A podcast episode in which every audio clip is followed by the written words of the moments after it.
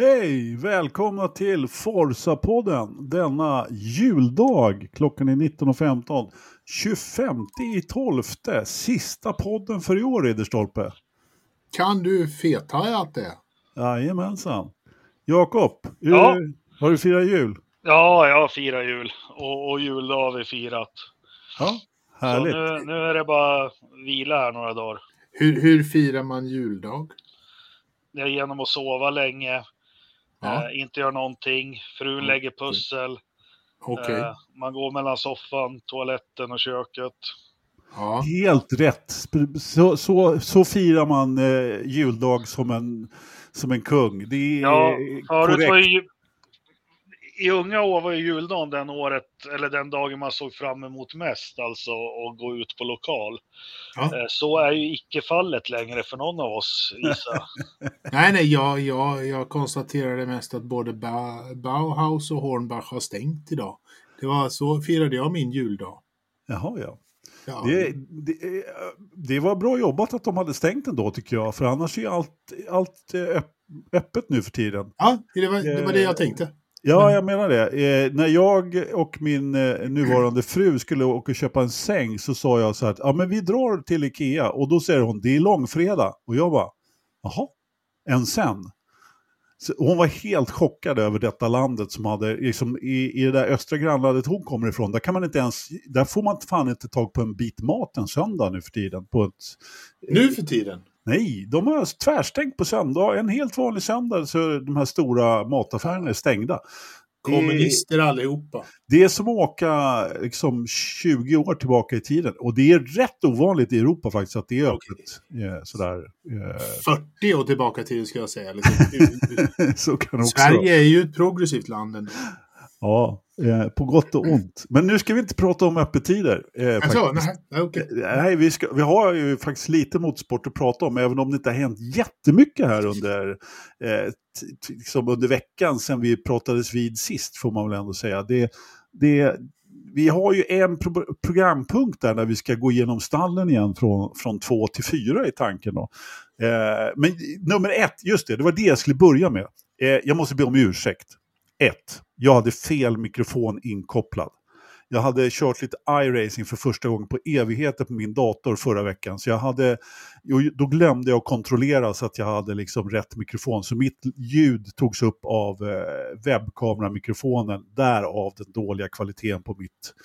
Eh, jag sa inte så jävla mycket som var, som, som, som var så intressant ändå förra veckan, men ändå. Eh, dåligt ljud har vi haft lite för mycket av den här podden, så att, eh, jag ber om ursäkt för det. Du, du vet eh, hur, hur många veckans förstappen framöver du kommer att få för, för Oh, det här eh, makabra eh, Mm. inslaget. Ja, och så ursäkt nummer två. Ja, den, den, här, den här längtar jag efter. alltså, eh, för vi brukar ju tjata då om när vi tittar på de här webbkamera, webbkamerorna att eh, Lars då som en gång i tiden satte upp en skylt där vid en utav dem, eh, vid Valdalsfjället, har vi tjatat på honom att han ska sätta upp en skylt igen. Och så förra veckan, enda gången på, jag vet inte, 43 veckor som vi inte kollade den där, för jag var lite stressad för att vi hade ju ingenting att prata om förra veckan heller, men ändå så höll vi på i, i en timme och 40 minuter eller något sånt där. Så då, då stressade jag igenom väderstationen, det ska man inte göra. Då hade han naturligtvis varit där och satt upp en skylt. Ja, skämmas får man ju göra. Eller vad säger du Jakob? Nej, men jag tycker vi kollektivt kan ta på oss det. Det är, det är så illa av, av eh, oss och, och så pass illa så att eh, eh, Knös inte får vara med idag. Ja, exakt. Han blev usvi- utvisad till Ja. Värmland. Ja, alltså vad fan ska man göra? Men han kan ju inte, han kan ju inte hålla på hur som helst. Nej, det går inte. Det är helt sant. Det är helt sant. Eh, jaha, hörni. Eh, vad skulle jag säga? Men det är väl bara att, att kicka igång eh, själva Formel 1-avdelningen på denna juldagspodd. Och 302 poäng fick McLaren Ridderstolpe. Mm. En, två, tre, fyra DNFer. Mm. Och som vi sa, efter Österrike, eller som vi har sagt och pratat om hela, hela tiden. Efter Österrike, det var ju då uppdateringspaketet kom.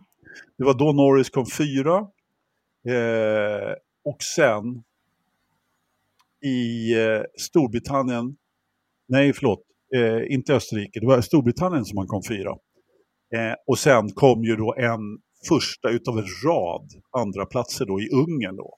Eh, när man verkligen såg potentialen i, i den här bilen. Och det, det är egentligen lite märkligt eh, i och med att den här bilen inte är så, så snabb i långsamma kurvor då, då. Men eh, de lyckades ändå där i Ungern. Jakob, har du någon eh, analys på McLaren och deras... Eh, vi har ju pratat om det jättemånga gånger. Men... Nej, men analysen är ju uppenbara. De, de visste ju, sen var det ju vi fans och, och vi olika poddar också som, som, eh, som slog på den stora trumman. Jag vet att undertecknad satt ju och håna håna Piastri lite, vilket lyckat val du gjorde och hej och hå. Men McLaren, som jag har förstått det så här i efterhand, de hade full koll på att bilen skulle inte vara bra. Eh, eh, och visste väl ganska väl vad de hade gått fel med och, och inte, inte gått fel med. Så, så eh, nej, men det är en uppryckning som vi, som vi inte har sett på, på jättelänge och vi diskuterar det här så himla mycket att det är så svårt att ta igen tid nu. Eh, som det kanske mm. var vi som följde det här i början på 90-talet när man kom med ett uppdateringspaket. Vad var det första i Barcelona? Så kanske man fick, här uppdaterar de ju hela tiden. Så det här var ju något fundamentalt de hittade och vi vet ju inte riktigt vad det var. Kan det varit en sån här vida känd fel korrelering mellan vindtunnel och bana eller någonting. Men, men eh, så kul att se att det fortfarande går eh, att göra en sån här uppryckning. Sen är inte jag med det sagt lika pigg på att säga att de ska utmana Red Bull om VM nästa år för det. Nej, eh, eh, precis. Det, det, det, det, är jag ju också rätt tveksam till, även om de har, står först i kön eh, nu, så här slutet på. Men det, det, som är lite speciellt med McLarens uppryckning ändå, och det, det du säger där, att de eh, förmodligen visste att bilen var dålig redan från början, det betyder ju att de har sett redan på försäsongstesterna att okej, okay, vi har gått fel. Dessutom så har de ju då eh, vänt det här och gått rätt Ridderstolpe, eller hur? Liksom väldigt tidigt. Ja, de gick ju, de gick ju helrätt ut eh, också. Och frågan är väl eh, liksom vad... Jag vet ju inte vad de gjorde. eh, men, men det är väl som Jakob säger, de såg någonting väldigt tidigt och, och insåg att det var något fel. Eh, liksom så här, det här var något grundläggande som de behövde sättas ner och fundera på. Och det är väl liksom det som är lite av ett styrkebesked från ett större stall. Att inte stressa. Att inte liksom stressa iväg och slänga på bitar som, som Sauber gör lite sådär när de tycker att nu är det konstigt eller sådär, hitta sådär. Ta det lugnt, analysera eh, siffrorna och, fundera på vad är liksom grundproblemet? Är det det som är det översta lagret som kanske är synligt eller finns det något fundamentalt fel som vi behöver skruva på och ändra för att eh, vi ska ändra eh, setupen och liksom resultatet ska bli än bättre? Det, det tycker jag är bra att man tar det lugnt och, och gör, det, gör det grundligt. Jo, men eh, och det, det får man ändå säga att de gjort. Och det är mycket som talar, eh, det talar ju väldigt mycket för det just det med eh, precis det som du också säger Jakob, där att de visste vad, vad, att, de, att de hade gått fel tidigt. Och, och, ja, det ligger ju väldigt mycket också i det du säger att förmodligen gått fel där i, i överföringen ifrån de, liksom, de, de Eh, vet, digitala testerna till de analoga, om man får säga så. Och det är ju egentligen det svåra nu för tiden när man inte får testa.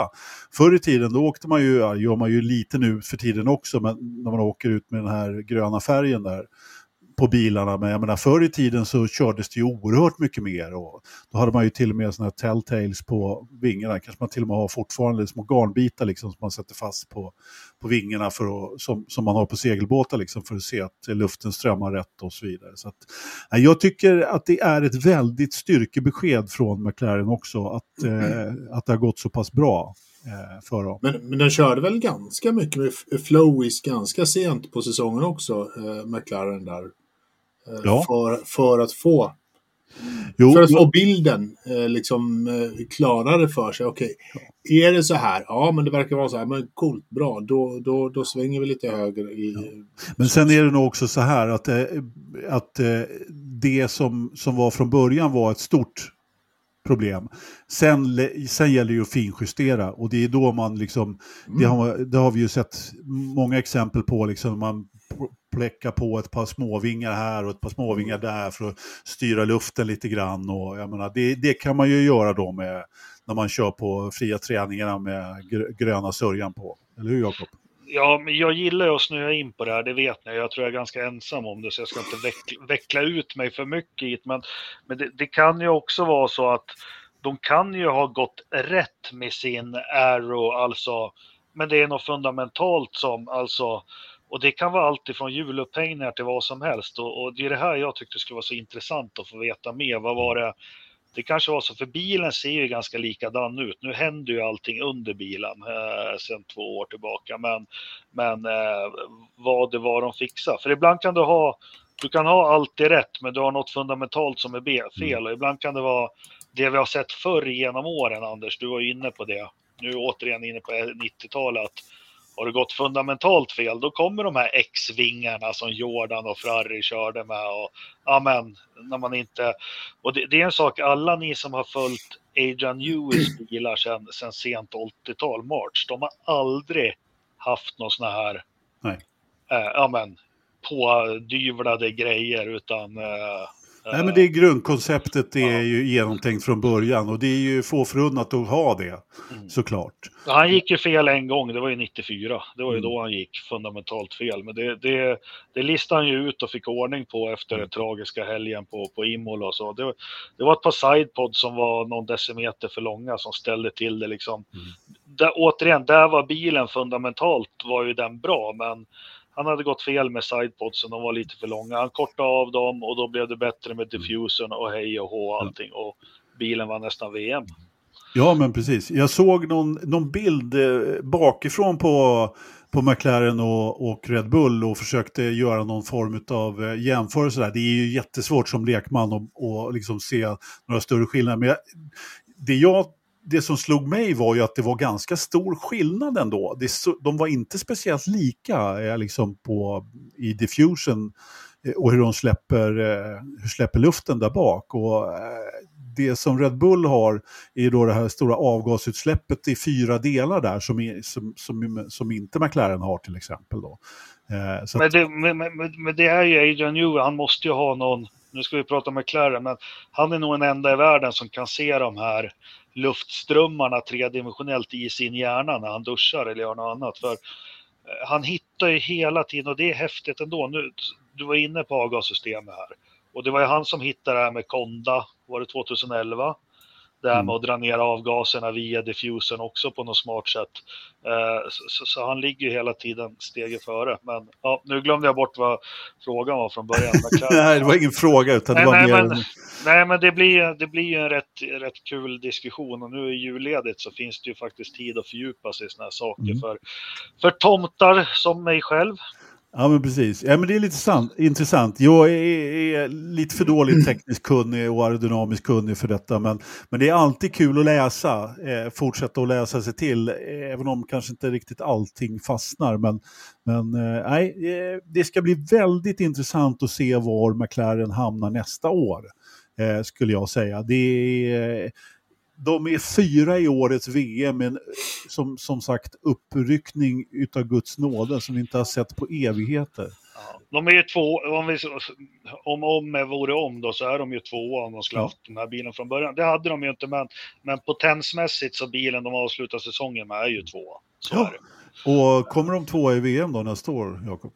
Nej, jag tror faktiskt inte det. Jag tror inte, eller jag vill gärna se att de gör det, men, men eh, jag, jag, tror att McLaren är lite för resursfattiga jämfört med, med, med toppstallen. Men som sagt, jag, jag, tror det. De har ju en bra bas att jobba ifrån. De har tagit ett stort steg här nu. Nu, nu får vi se om de har ork att ta de här stegen som är varje helg.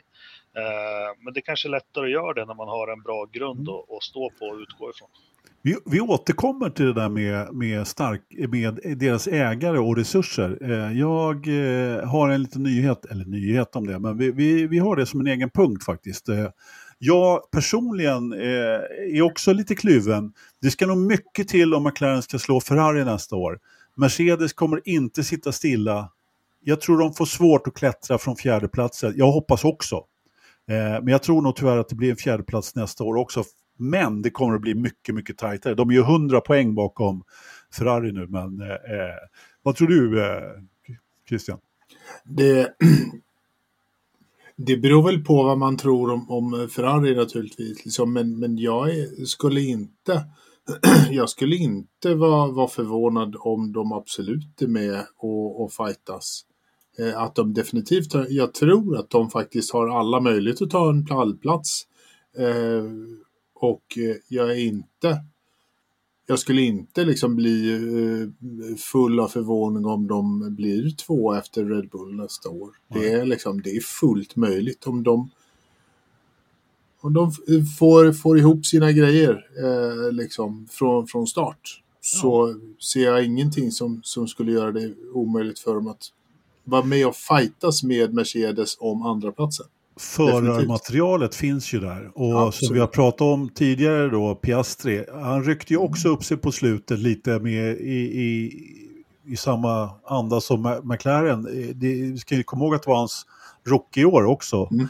Mm. Eh, så att, eh, och jag menar, både Ferrari och Mercedes framför har ju i princip starkare eller lika starka förarpar. Så att det är ju en tuff eh, om man tittar till förarparen så att säga, jag skulle vilja påstå att där är Red Bull de som har det svagaste förarparet utav de här eh, fyra de, första. De har, de har den hög, högsta toppen men lägsta dalen. Ja, ja men det, det är så. Även så om, eh, Red, även om Sergio inledde säsongen bra. Har du något att säga, säger du emot där Jakob?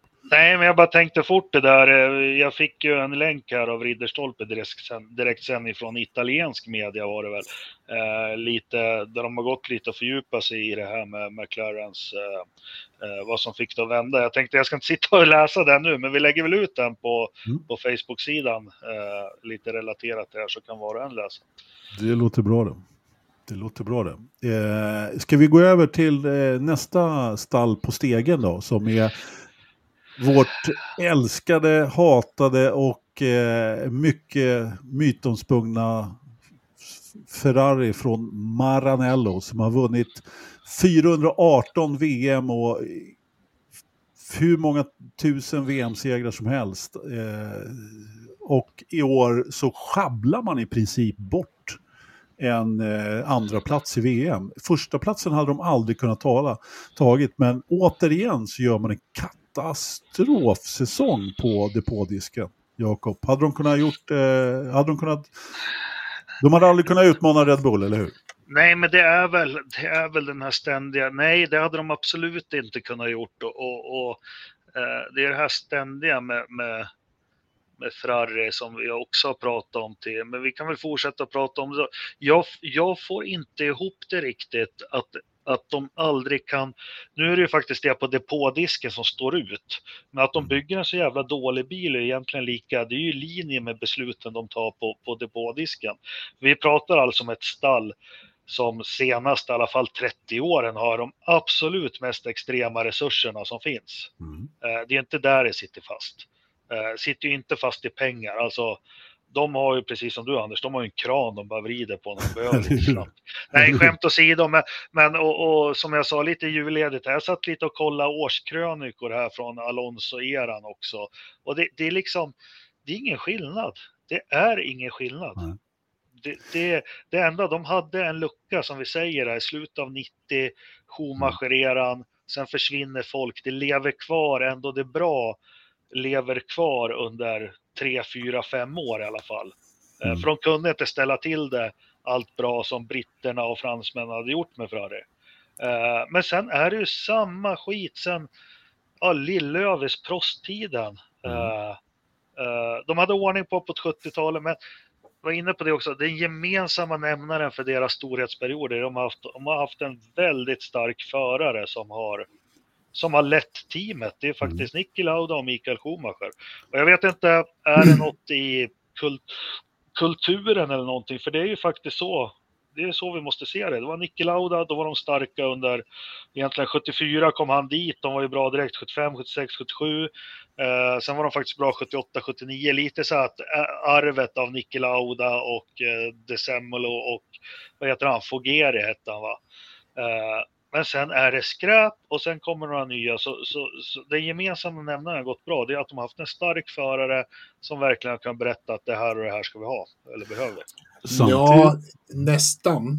Nästan ska jag säga liksom att det är det. Men, men det gemensamma för mig är en, en, en stark organisation. Alltså en annan typ av organisation. Och det är liksom lite taskigt kan man säga. När det styrs av italienare så är det dåliga år. När det styrs av något annat än italienare så är det bra år. Samtidigt så har ju faktiskt Semlan varit där ända sedan sent 70-tal. Alltså han, han, han, när fick han kicken? Det var, det är inte jättemånga år sedan. Eh, så att, eh, och han har varit där under två storhetsperioder egentligen. Ja, fast, oh. fast väldigt helikopter och eh, alltså sen har jag varit nära sporten på något vis. Eh, men när var det han fick nog? Det såg vi i Lucky här. Han fick ju Mm. Var det i samband med Fettel-eran här och eh, Fettel lyckas ju inte heller få Nej. ihop det här teamet och det är en Nej. förare, vi ska inte ta något ifrån Fettel, jag tror han är stark men inte stark nog utan han kommer från en trygg liksom tryggt stå under det här Red Bull-paraplyt som med tryggt med Horner och Newey och, och, och, jag tror en jäkla ordning där. Så han lyckas ju heller och, och, och Leclerc, det, det är lika troligt ursäkta Anders, jämförelse med som jag har sagt, det är lika troligt att han ska samla Ferrari som det var att Alesi skulle göra det. Ja men, ja, men det, det är faktiskt väldigt, eh, jag håller med om precis det du säger därför att eh, en stark ledare i Ferrari, eh, det som krävs, det är inte Vettel eller eh, Leclerc, den typen. Det är precis som du säger att där har man i Red Bull så har man liksom förtjänat sin trygghet. Där har man uppbackningen på alla sätt och vis. Du vet, om du, om du, om du bryter av spagettin innan du ska koka det i Ferrari så blir du ju liksom uthängd. Det, du, det räcker med att du gör... Liksom... Men, man gör inte så. Men, men, men å andra sidan, så här, för, om vi tittar på förarbesättningarna som finns tillgängliga på griden idag och ignorerar vad de kör och deras kontraktssituationer. Finns det någon egentligen som kan samla jag ser, jag ser, bara en och det är Max Verstappen. Eh, jag tror ingen annan, därför han är den enda som skulle kunna få med sig den typen av eh, entourage som eh, till exempel mm. Schumacher tog med sig. Eh, och det är det som behövs till Ferrari. Du, du, behöver göra som Max har gjort i Red Bull. Nu har ju han liksom krypit lite underifrån där då. Eh, så, och, och, men han tar ju all luft där. Och ska man göra det i Ferrari, ja då behöver du få med det hela gänget. Och som jag sa, alltså Montezemolo då, han var ju väldigt, väldigt eh, länge den som var ordförande i Ferrari. Mm. Sen, sen, sen lyckades ju inte han riktigt få ordning på det en tredje gång och då försvann han. Och ja, jag vet inte riktigt, jag har lite omvärderat honom faktiskt efter hans svar i Lucky där. Jag blev lite sådär, äh, men alltså var killen inte smartare än så här? Han är en av Italiens rikaste män nu och har startat eh, tåggrej, tå, tåglinjer och grejer. Men alltså, jag fick inte riktigt den här knivskarpa känslan. han, var väl, han var väl så icke-italiensk som behövdes i det där. Jag känner inte honom, men när man läser liksom, han kommer som en frisk fläkt in i, i F1-depåerna 73, 74. Mm. Jäkligt ung eh, och så, men nu, nu, nu tappar jag det jag tänkte på. Nej, men det, det, är förmodligen så att han, han blev kvar för länge. Det kan mycket väl vara så. Ja. Han skulle ha lämnat över där någon gång. Jo, eh. Det jag tänkte på med Ferrari. Vi kollar vilka har, eh, sen Ferrari slutade dominera, så har ju McLaren lite grann. Sen har det varit Red Bull och Mercedes. Mm. Och tittar vi på ledarskapet, Toto Wolf, han har väl varit i Merca sedan 2011-12. Ja, något sånt. Uh, och de hade ju också en ganska stark grund där efter de blev Brown. Uh, hur länge har Christian Horner, Adrian Newey och, och toppskiktet varit i Red Bull? Jo, sen de togs över 2006. Mm. Uh, och, och vilka har vi haft senaste tiden? Vem fan är stallchef nu? Vad heter han? Binott? Nej. I Ferrari? Ja, ja Vassör. Vassör. Ja. Binotto, Arrivabene. Så hade vi den här som bara var med några helger, den här som gled in med solbrillor. Vad hette han? Ja. ja. Vad hette han? Och så hade vi Dominicale. De Alltså fem stycken på mindre än tio år. Mm. Ja. Och där har vi ju, där har Ja. du ju, liksom, där har du ju noll stabilitet överhuvudtaget. Alltså jag, trodde Fatta att, vilken stress man måste Ja. känna och jobba för det där företaget. jag, alltså jag trodde att det skulle bli, det var ju lite stabilitet eh, först med Arva Bene, men han var, han var ju där hyfsat länge ändå, men han var ju lite management by fear då, så det var ju inte alla som, som kom jag- över, överens med honom. Sen Nej. var ju Benotti där ändå tre Ja. säsonger va, eller något sånt där. Och, nej, Jo, men det, det stora misstaget enligt mig, som sagt, jag vet ingenting, men sett utifrån.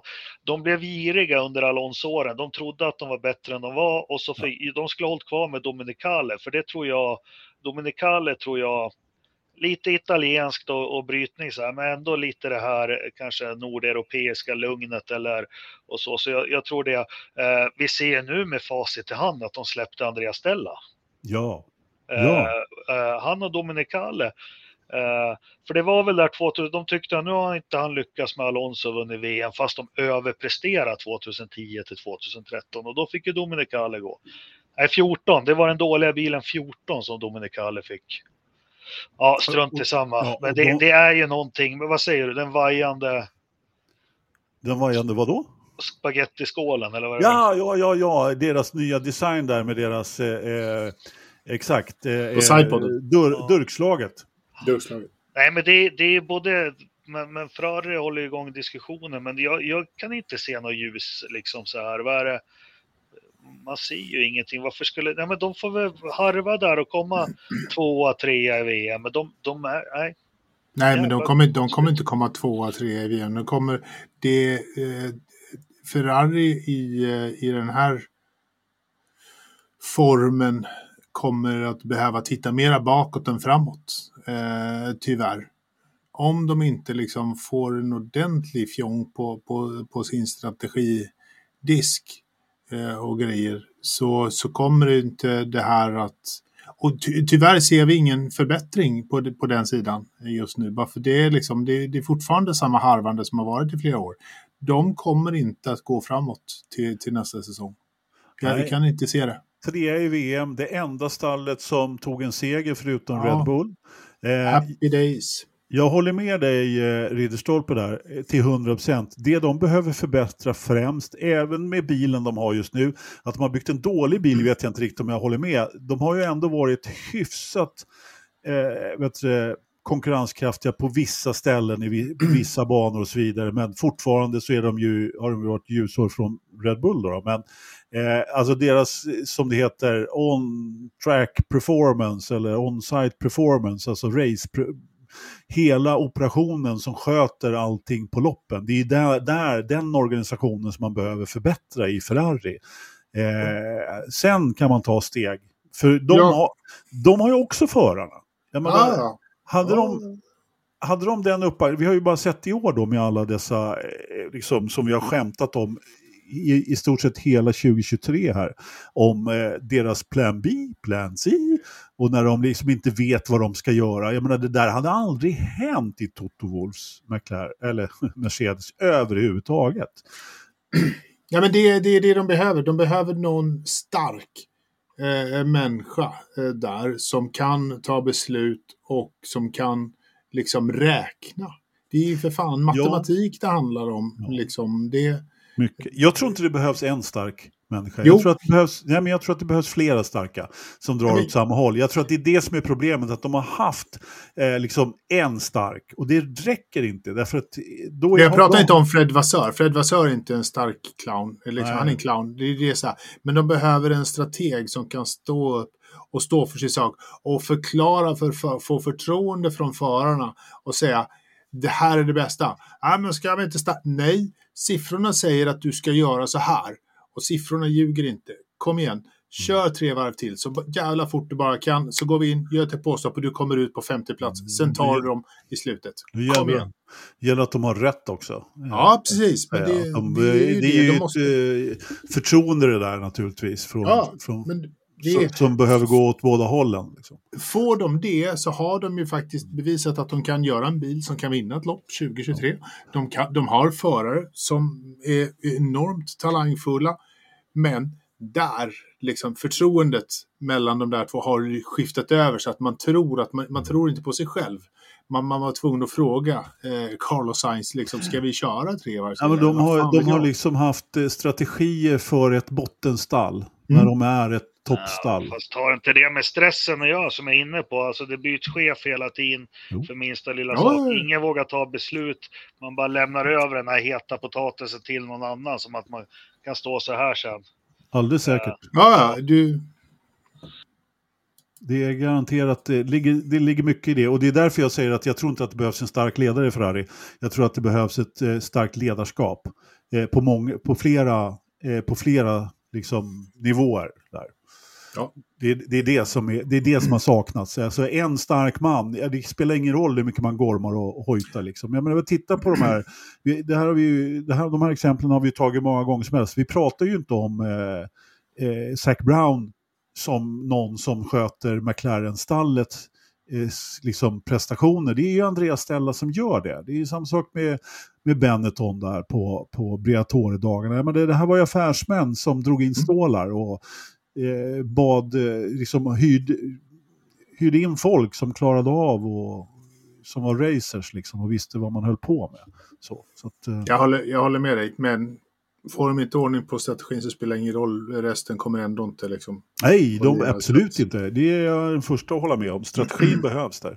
Jaha, eh, vad placerar vi Ferrari då? Eh, har vi sagt det redan? Eh, Jakob, tror du de klarar av att hålla tredjeplatsen? Ja, det beror ju på. Det är jättesvårt att säga. Men eh, istället för att tippa platser så här, nej men nedåtgående trend säger jag. Börjar nya reglementet så ser det ut som en, en titelutmanare verkligen. Och sen så har de ju faktiskt bara gått väldigt, väldigt sakta neråt från dess. Vi tänker på hur det såg ut i början av förra säsongen. Absolut. de vann race och, och var med. De har ju faktiskt bara gått längre och längre ifrån. Men det är, så, så jag låter det vara där, att en svagt nedåtgående trend säger jag hos dem. Ja, men det är som, eh, precis. Det, det är som Solbacken i Ramenberget, en sluttande eh, dansgolv. Mycket plant. Det är korrekt. Fredrik Stolpe, har du någon Det- det- det liknelse? Det där låter som en, som en skidbacke som jag skulle kunna eh, anta. Nej, ja, nej. Det,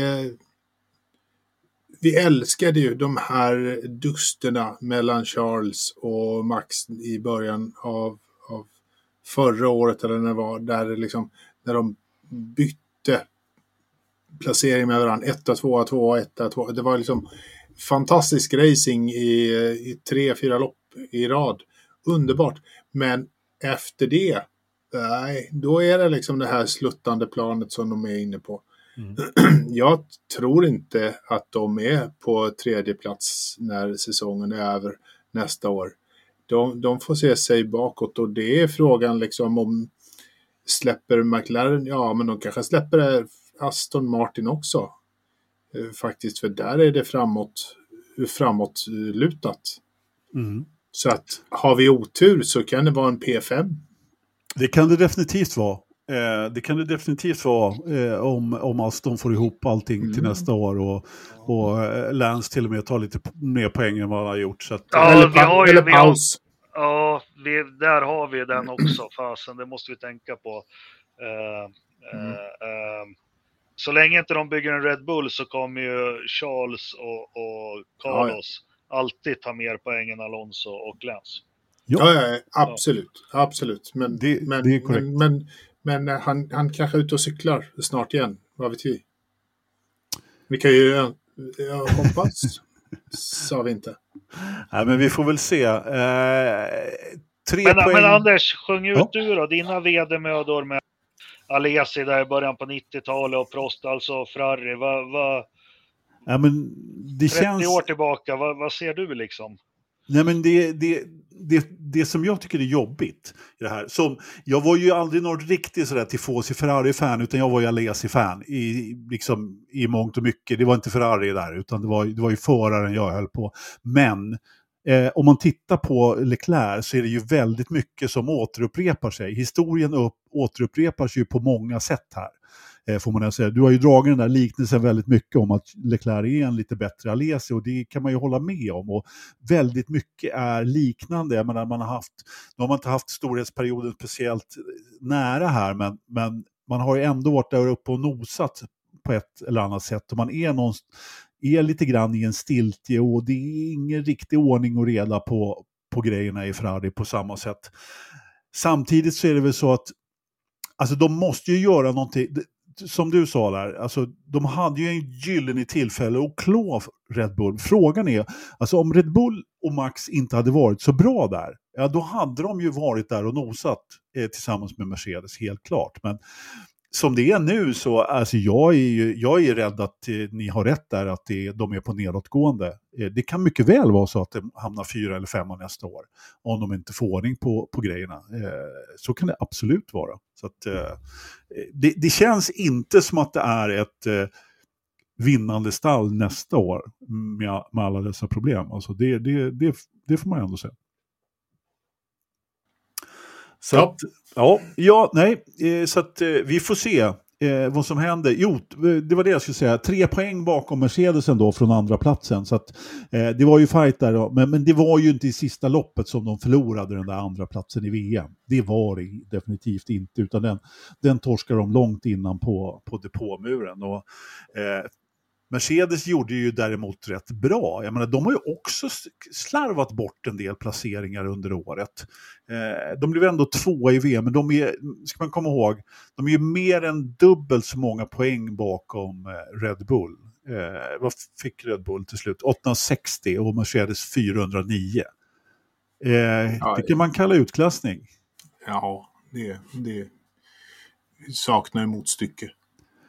Ja, lite grann. Du, historiker Engmark, kan du komma ihåg när vi hade en sån här utskåpning? Williamsåren kanske? Mellan första och andra? Ja. ja. Ja, sen har vi ett annat poängsystem och allting, jo. men, men 88 eh, McLaren måste vi ha haft ja.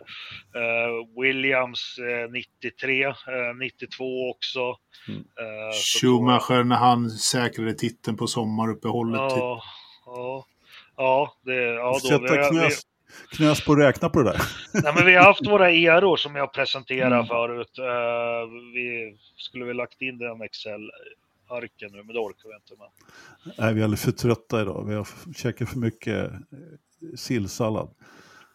Inte en, inte en centimeter sillsallad i den här kroppen kan jag meddela. inte i min heller, faktiskt. har du käkat sillsallad, Engelmark? Jag tror inte han vet vad det är. Nej, jo, för fan. Nej, den stod här. Men sillsallad inte... Jag testade däremot sylta här nu. Ja. Ja, nej, det var väl ingen hit. Nej, sylta, nej det är inte min grej heller. Det smakar lite som polsk burkskinka som vi brukar snacka om. ja, lite så faktiskt. Polsk burkskinka. Är det, så, är det den vinnande strategin inför nästa år att hyra in Kubica i Mercedes istället för George Russell? Kan det aldrig vara. nej. Det, det, kan, det är aldrig en, en, vinnande strategi att hyra in honom. Nej, det tror inte jag ja, heller. Men Mercedes, vet de, vet de själva vart de...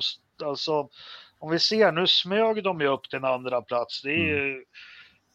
Hamilton har inte vunnit ett lopp sen ja, äh, efter VM avgjordes där. Äh, På två år, tror, 21. Nej, och han, vi vet ju vad han är kapabel till, men jag, jag tror Mercedes, precis som oss fans och tyckare, kanske famlar lite. Vet de själva vart de står, vad de behöver göra?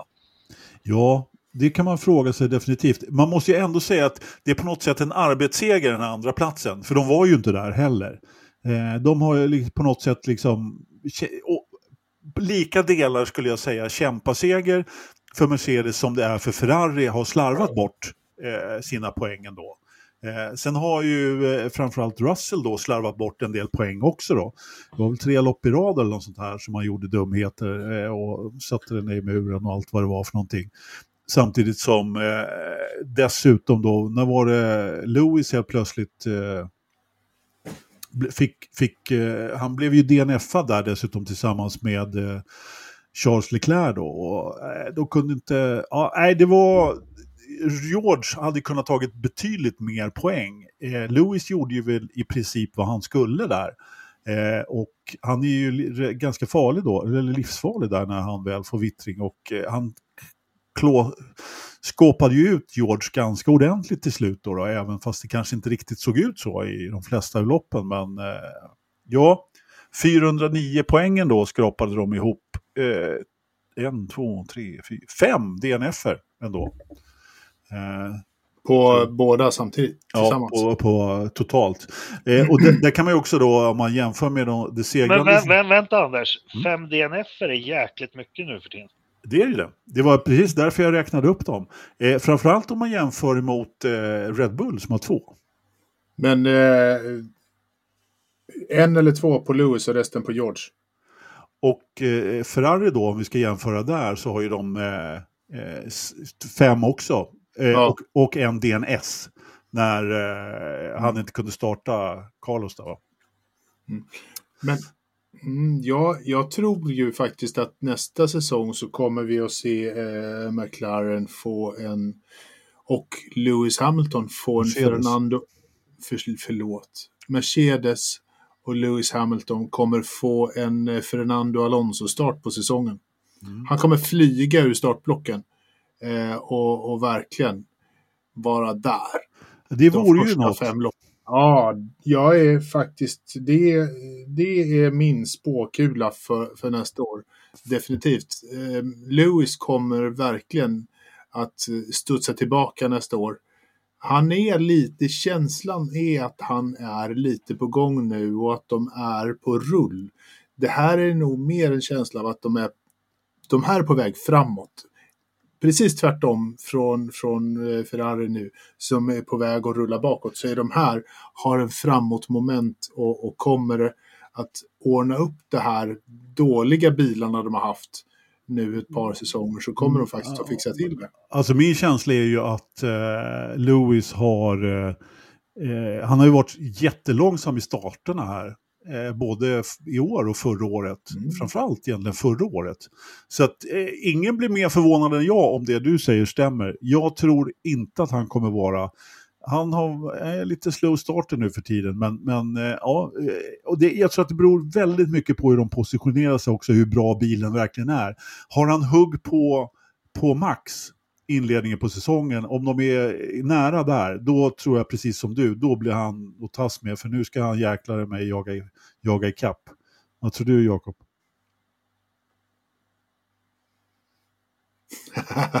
Nej, men jag vet jag vet inte. Nej, jag vet inte. Det blir svårt. Det är svårt ja, men jag, att se. Jag, jag, men jag, vi brukar ju tro saker, men mm.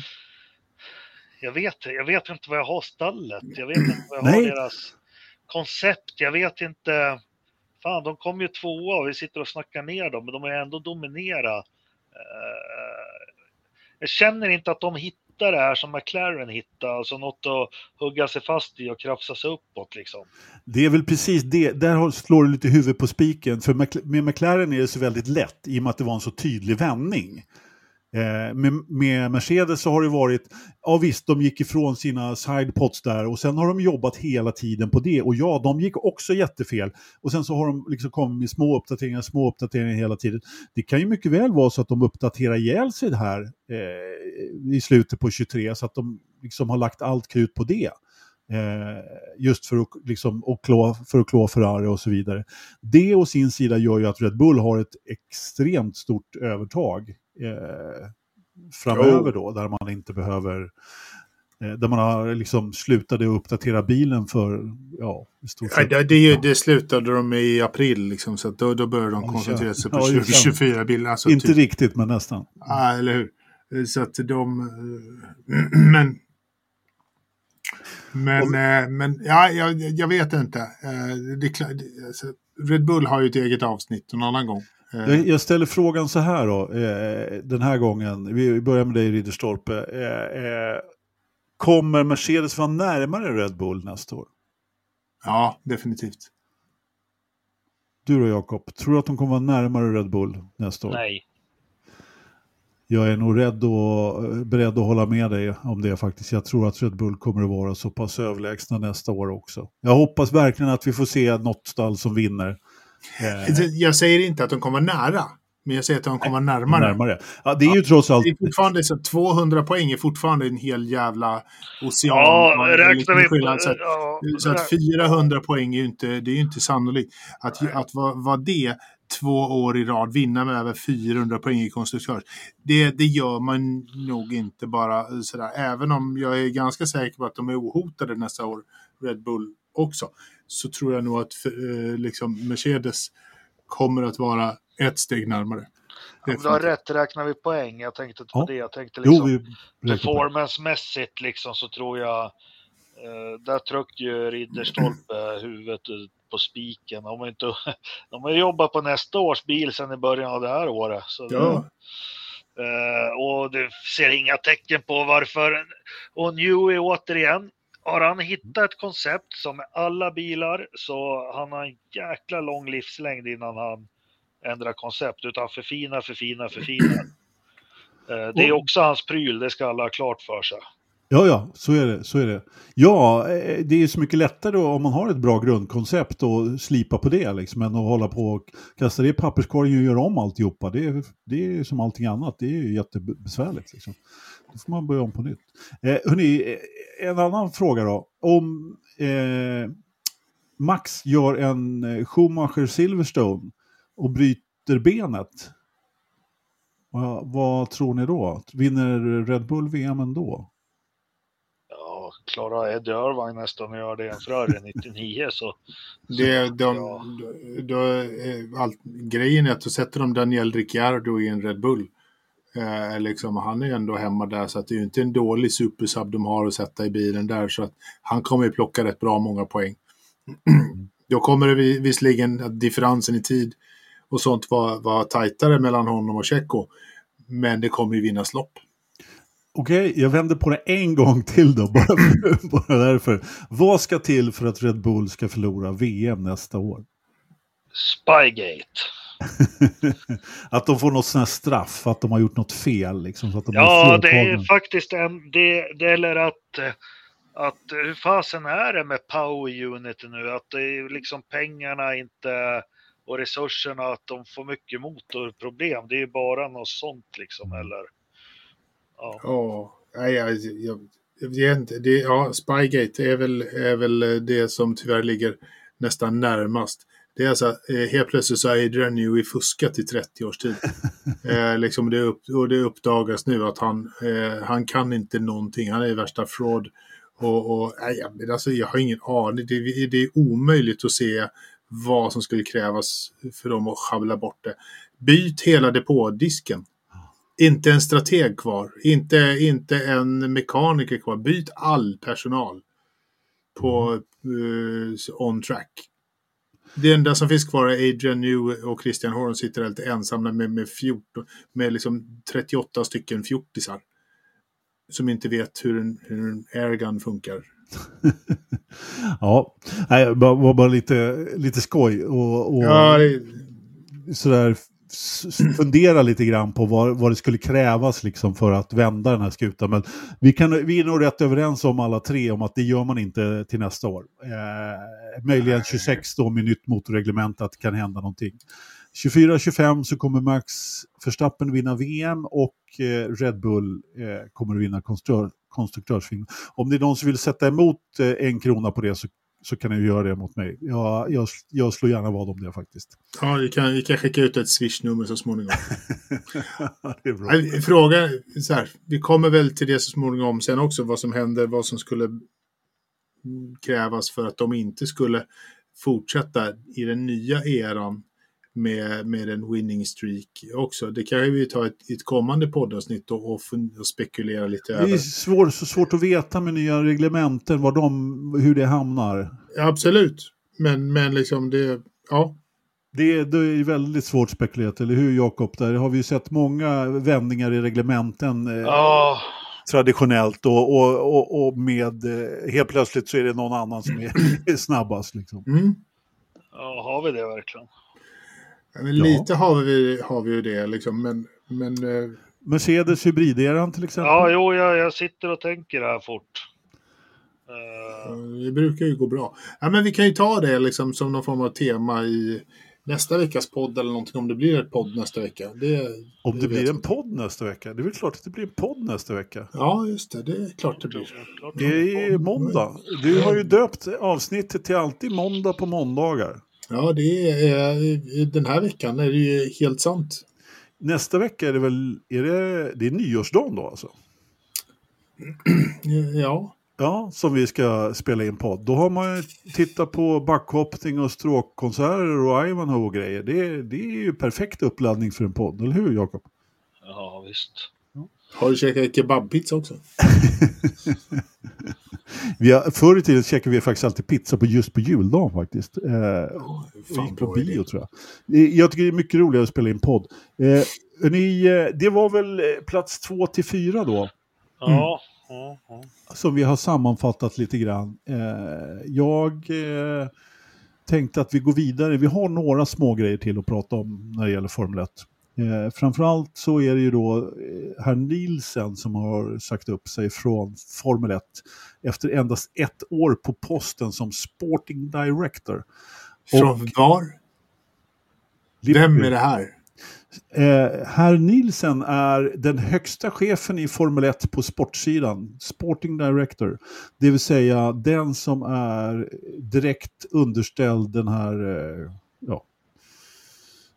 Chefen. Ja, ja. men precis, precis. Eh, Tog han över efter Ross Braun? nej, han tog inte över efter. Det, jo, det gjorde han visst. Va? Ja. Eh, nu, nu sätter du mig på pottan här lite grann, men i vilket fall som helst. Eh, det är väldigt många som tror att, eh, att det kan bli lite problem när han slutar, Okej. herr Nielsen. Eh, han, är, han har bara varit på posten ett, eh, ett, Ett år. år. och eh, har väl inte dragit helt jämnt med eh, alla... Chef. Vet du, eh, han, alltså det här är ju en kille som har jobbat i... De anställer ju gärna sådana som har jobbat. Han jobbar i Williams, Lotus, eh, allihopa de här stallen. Och det är ju sådana killar som man vill ha Mm. eh, på de eh, platserna. Men ja, han passade tydligen inte in där. Han gick inte ihop med eh, FIA-chefen och eh, ja, de får se sig om efter en ny... Eh, Dominicali, sporting- var det det du letade efter? Nej, eh, jag, jag kan inte hierarkin där till, till hundra. Så att, eh, men det här har varit en, en eh, den här figuren har ju ändå varit eh, en som tongivande på FIA för att eh, driva affärerna framåt. Liksom.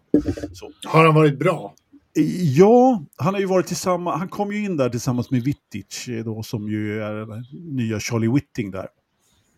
Och eh, många säger att han har varit bra, men det är svårt att veta som utomstående lite grann. Men han har ju varit en med, liksom fast förankrad i sporten som har vetat vad stallen vill och liksom driva det framåt.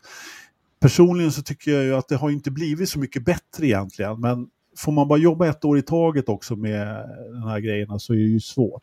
Vi får väl se vad det har för bäring överhuvudtaget på att han slutar. Det är tveksamt om vi ser någonting sådär, men, men eh, självklart eh, är det ju ett eh, bakslag för, för Fia att han inte, inte, inte är kvar. Sen är det någon som har fått en slant över, Jakob. Vi pratade ju om McLaren där och det är ju då Bahrains eh, kungafamilj har ju då eh, Ja, lagt, ja, lagt en liten slant och köpt ut McLaren då. Så att nu äger de, eh, alltså Bahrains Sovereign Wealth Fund, eller? Ja, det är lite svår, svårt att äger de hela skiten nu eller? De har eh, majoriteten. Det har de inte haft tidigare. Ja. Eh, Fast vi, vi har ju, jag tror inte det, jag tror inte det är illa för eh, under radarn var det ju alltså, de har väl varit delägare ända sedan Ron Dennis liksom startade 80-talet och funnits som ja. en silent partner eller vad man nu ska säga. Eh, så det är ingenting jag känner mig så här orolig för eller har jag fel? Nej, du har nog definitivt inte fel, utan det är några minoritetsägare som har sålt sina andelar dit. Det som är, alltså det som du säger, de har ju varit där och varit storägare faktiskt i, i eh, McLaren under lång, lång tid. Och när Ron Dennis gjorde exit så sålde ju han också till dem, så att säga. Eh, Gjorde exit, det var också ett jävligt snyggt sätt att beskriva det. Ja, men förlåt då för min dåliga svenska, men... Fick sparken. Ja, Dra för bövelen. Ja, jo, han fick lite Och då- sparken. Men Men han, bort, bortkuppad skulle jag säga. ja, det precis. Var, var inte de mer- väldigt, väldigt med i det här också? Att de var väl också Men grejen, att han... min, själva, min själva poäng var ju just att han gjorde exit i McLaren, det vill säga att han sålde sina andelar, inte att han, gjorde, inte att han fick sparken som stallchef eller eh, blev bortkuppad, vilket jag tycker är ett bättre ord faktiskt, eh, som du säger Jakob. Och- Sen eh, hyrde han eh, Royal Albert Hall i London och bjöd alla som hade varit anställda någonsin på McLaren på fest. Det tycker jag är Mm. snyggt. Så, Det var fantastiskt bra. Ja. Ja. så, så, ska, så, fick, så gör man när man gör en avskedsfest eller avslutningsfest, liksom, med stil. Då, då hyr man Royal Albert Hall. Alltså. Det ska jag göra när jag ska byta jobb. Då ska jag fan hyra Royal Al och så flyga all... Fy fan. Jag behöver, Ja. behöver löneförhöjning för det här. jag. Ja, ja, men precis. Det behöver ju inte eh, Ron. Han, nej, det var riktigt snyggt. Det Mm. får man ändå säga. Jag vet inte om det har någon betydelse överhuvudtaget egentligen, McLaren. Men det, jag, det som det har betydelse på, det är ju att McLaren är ju inte det här stallet som har ont om pengar. Det har det väl egentligen aldrig varit, utan det har väl alltid funnits. Men det har varit litet kna, knapert under en period, helt klart. Eh, när det inte fanns liksom oöverskådliga eh, liksom, eh, kassavalv och ösa ur. Men sen Zac Brown kom dit så har det funnits pengar. Och det, det, det är garanterat ett av stallen som är i, i, tak, i eh, taket på, vad heter det? Budget. Är de det nu budgettaket. Jag vet ju, det var ju så. Jag kommer ihåg när Max Mosley dömde ut att de skulle betala en miljon i straff. Och jag tyckte det var så här helt, eller en miljard. Mm, en för miljard. Spygate. Det var helt hisnande. Men sen man läste direkt att det är det minsta problemet för McLaren. ja. Herregud. Nej, men det, alltså, under en period där, så han sålde ju eh, fastigheterna där. Eh, vad heter han? Alltså hade de inte lite sådär, eh, ska, i början på Zac Brown-eran, så var det ju lite shaky shaky där liksom eh, museer och grejer och, och- kö, sälja ut och hyra tillbaka lokal. Så där, lite finansiella tricks och tricks som man Jo. höll på med en sväng. Men Jo, efter, men precis. efter Ja, men det han- så är det ju safe. han, han, han la upp det på det sättet att eh, vi ska inte vara fastighetsägare och så sålde han hela skiten. I princip var det det som jag har förstått det som räddade McLaren eh, överhuvudtaget och deras finansiella framtid. Eh, sen är ju det aldrig riktigt bra på, långsiktigt att göra på det sättet men de var helt enkelt tvungna. Eh, därför det, de behövde frigöra kapital helt enkelt Mm. för att gå vidare. Och nu, nu står ju, liksom, eh, dessutom var ju då sportbilstillverkningen i stort sett på ruinens brant där.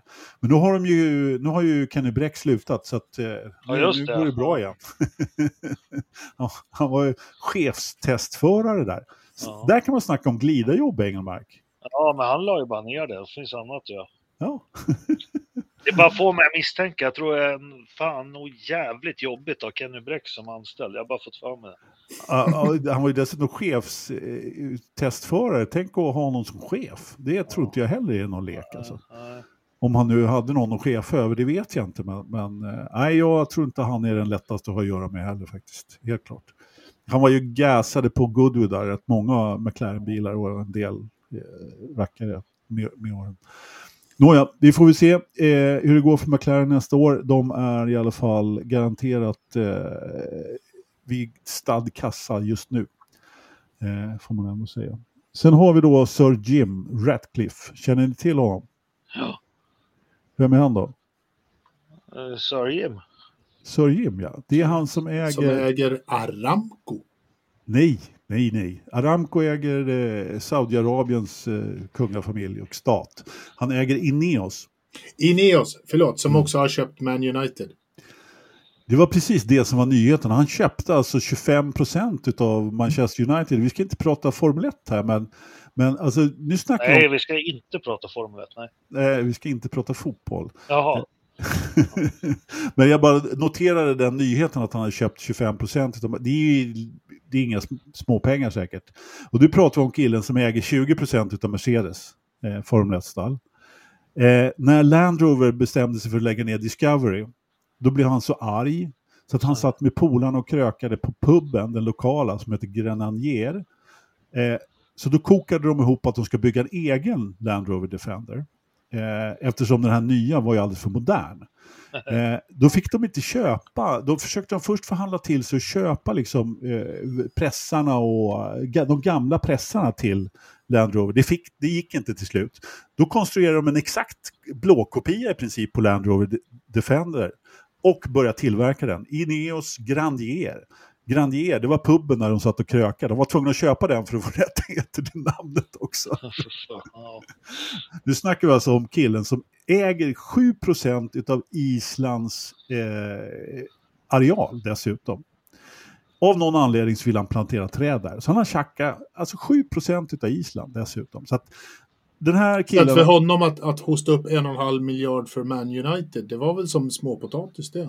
Ja, han är Englands rikaste eller näst rikaste så han har, eh, och jag kan säga att de här pengarna har han gjort i stort sett på tio år. Innan dess så var han bara liksom multimiljardär. Nu, nu är det jättemånga miljarder. Uppenbarligen så vill han ju spendera dem innan han går hädan. Det är väl helt rätt, men uh, alltså killen han, uh, han, han hoppar loss kan man säga. Ja, köpa 7% av Island, vad fan. Det var också en blöt kväll liksom.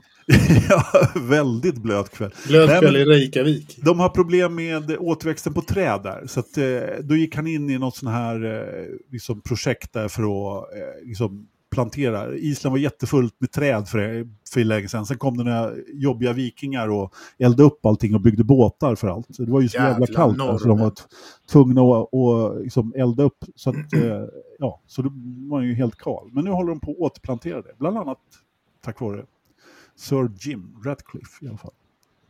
Ja. Jajamensan. Det var han det. Ja, eh, vi hoppar över till lite Indycar. Jag har ingenting på Indycar Förutom Nej. en liten, eh, förutom en liten eh, historisk anekdot som jag läste om häromdagen. Ja, låt höra. I december 1992, vad hände då i Formel 1, Jakob? September? Inte, inte, just december 92, men vad hände i 92? Eh, liksom, Eh, världsmästare Mansell, ja, ja, ja, ja, men det var ju, ja, Williams, ja, han går över och, och, och sen är väl där och provkör eh, Fittipaldis eh, Penske också det i samma Precis det jag skulle komma till. Jag menar, sen han är ju inte speciellt glad. Han vet ju inte vad han ska göra. Han har inget kontrakt med eh, McLaren. McLaren eh, får ingen eh, Honda-motor. Eh, de blir av med kontraktet. Var, och sen var ju oerhört knuten till Honda då på, på det sättet. Så att eh, Paul Tracy är och testar på Firebird International Speedway i Arizona, strax utanför Phoenix. När det glider upp två långa limousiner. Ur kommer Emerson Fittipaldi och sen en kille med en hjälmpåse i näven, en trefaldig världsmästare i Formel 1. Mm. Och han hade inte fått det där kontraktet i Penske än, eh, Paul Tracy, så han funderar ju lite grann på, åh nej, vem kommer det liksom en kille? Eh, och det visade sig att de hade hållit eh, det där lite under radarn, men eh, Ayrton hade helt enkelt ringt upp eh, sin kompis Fittipaldi där och frågat, kan inte du kolla om jag får provköra en Indycar? För jag ja. vet inte vad jag ska göra nästa år. Varpå han hade ringt till Roger Penske, eh, Fittipaldi då, och eh, ja visst, det ordnar vi. Och helt plötsligt när de började packa upp grejerna där i, i, på Firebird så upptäckte de att det var lite extra prylar där eh, för den här testen som bara Paul Tracy och Emerson skulle göra då. Men eh, det visade sig sen då att han, eh, Ayrton fick köra 92 års eh, Indycar då och då sa man ju att det var för att eh, testa mot eh, hur den låg till mot eh, 93 års då, Jakob. Ja. Uh, och jag kom ju över testnoterna där. Uh, jag tror jag la ut dem för flera år sedan på Facebook-sidan våran.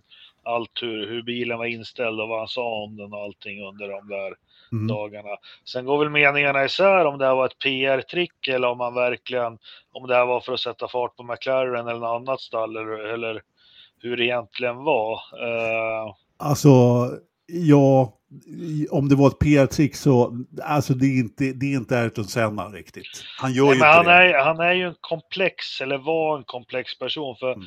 i samma mening som han hyllar det här testet, kommer jag ihåg, med att ha en växelspak i handen och, och, och, att allt var lika bra, så gör han ju allt för att få sitta i den mest avancerade Formel 1-bilen, Williams. Ja.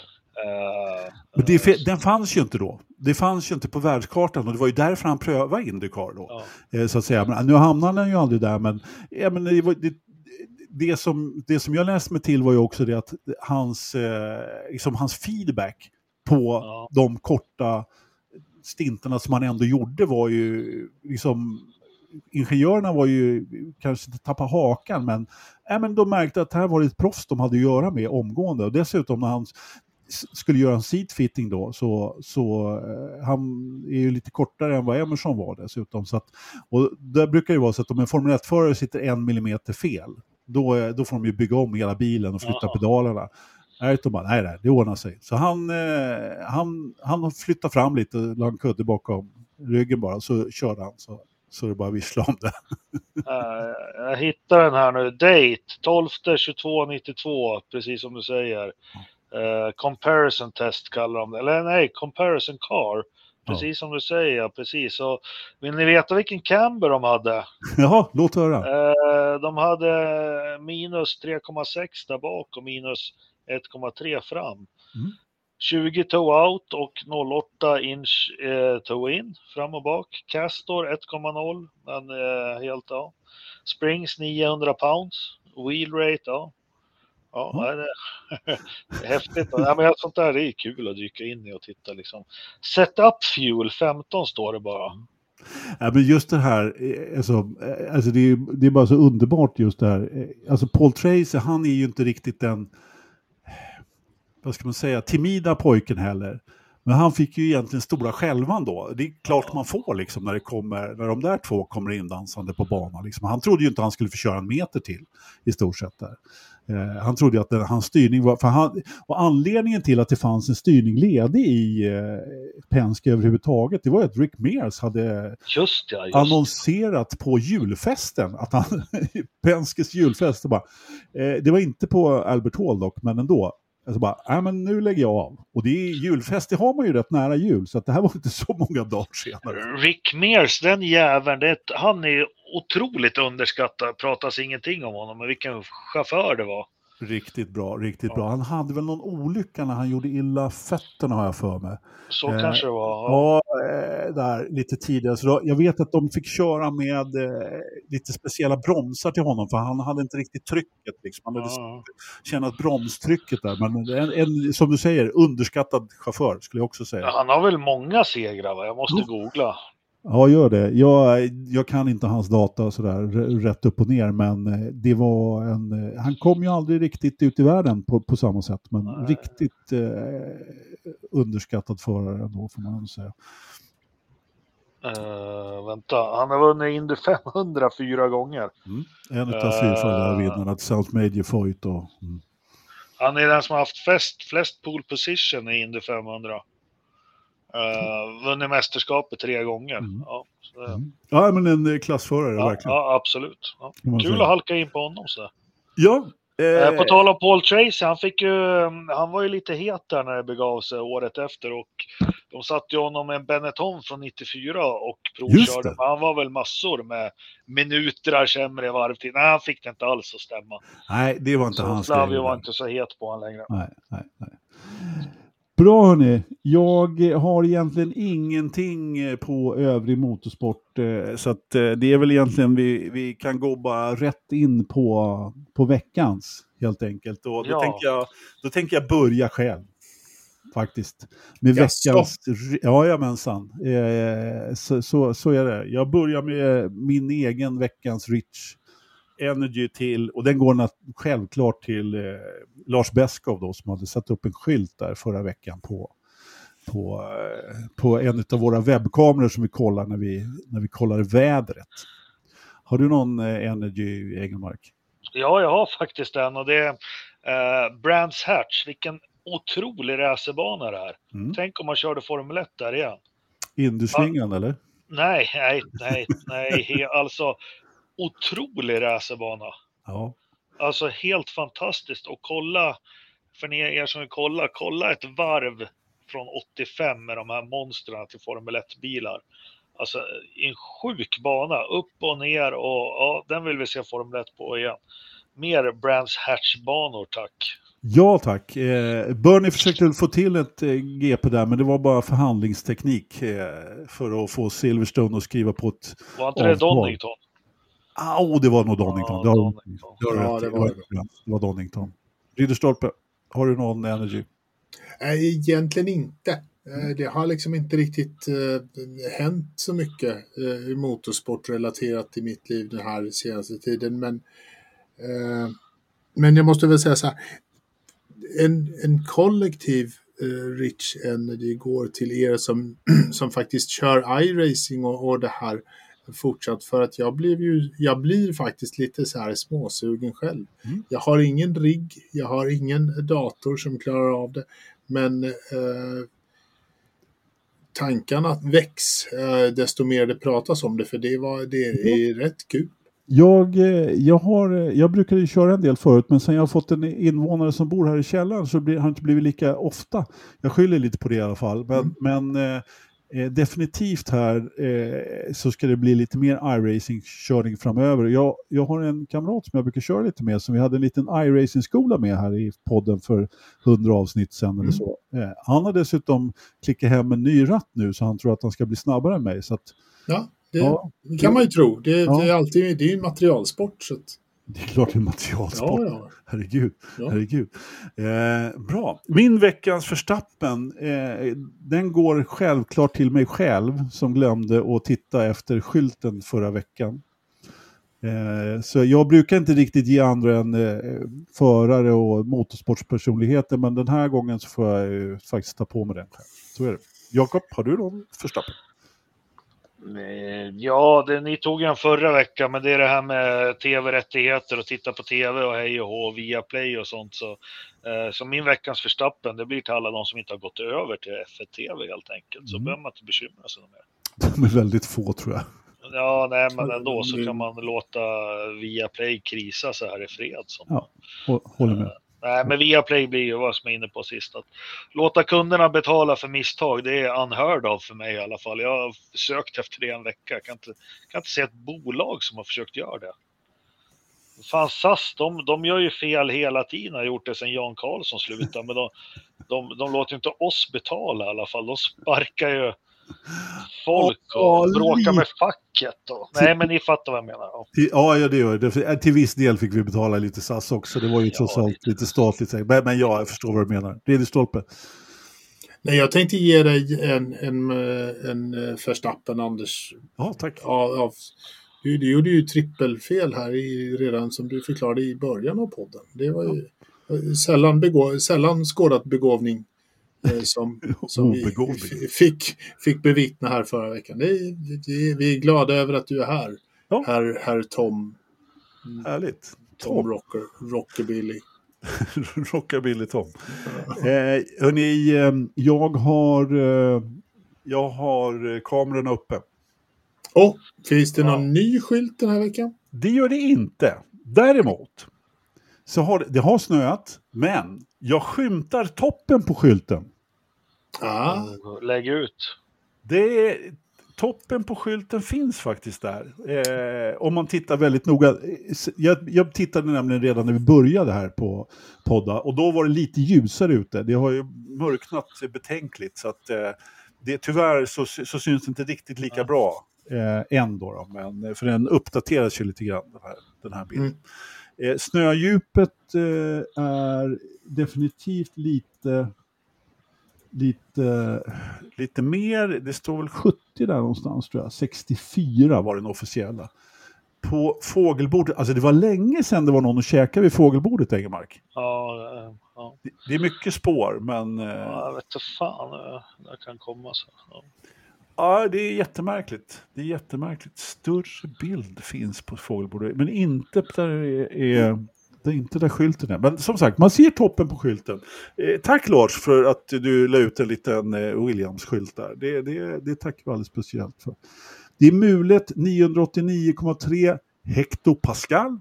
Ja, hektopascal. Jaha. Okej. Och relativ fuktighet inne 28 procent. Relativ fuktighet ute är 86 procent. 28 inne. Ja, men det har varit torrt som pip nu. Ja, under en länge. Ja. Ja, det har inte gått över 30 på... Det är ju så här torrt nu. Man behöver handkräm, återfuktning och fan hans moster. Jag kan flytta hem till mig här behöver man fan. Hur många grader är det i datorförrådet, Ridderstolpen? 9,2. Jag sa aldrig hur kallt det var ute va? Nej, skulle det förändra mitt svar? Ja, men precis. Nej, det tror jag inte. Men De det korrelerar inte med varandra alls. Nej, de gör Nej. ju inte det. 9,8 är det ute i alla fall, minus då. Mm. Eh, Nej, det är inte 9,2 i datorförrådet. Egenmark, har du någon gissning? 9,0.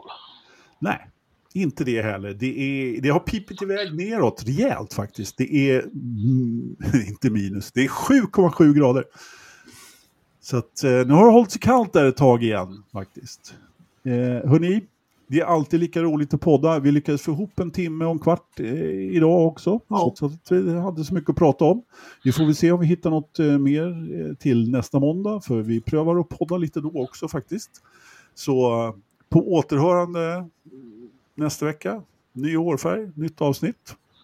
Nytt år. Tack och hej. Tack. Hej, hej, hej, hej.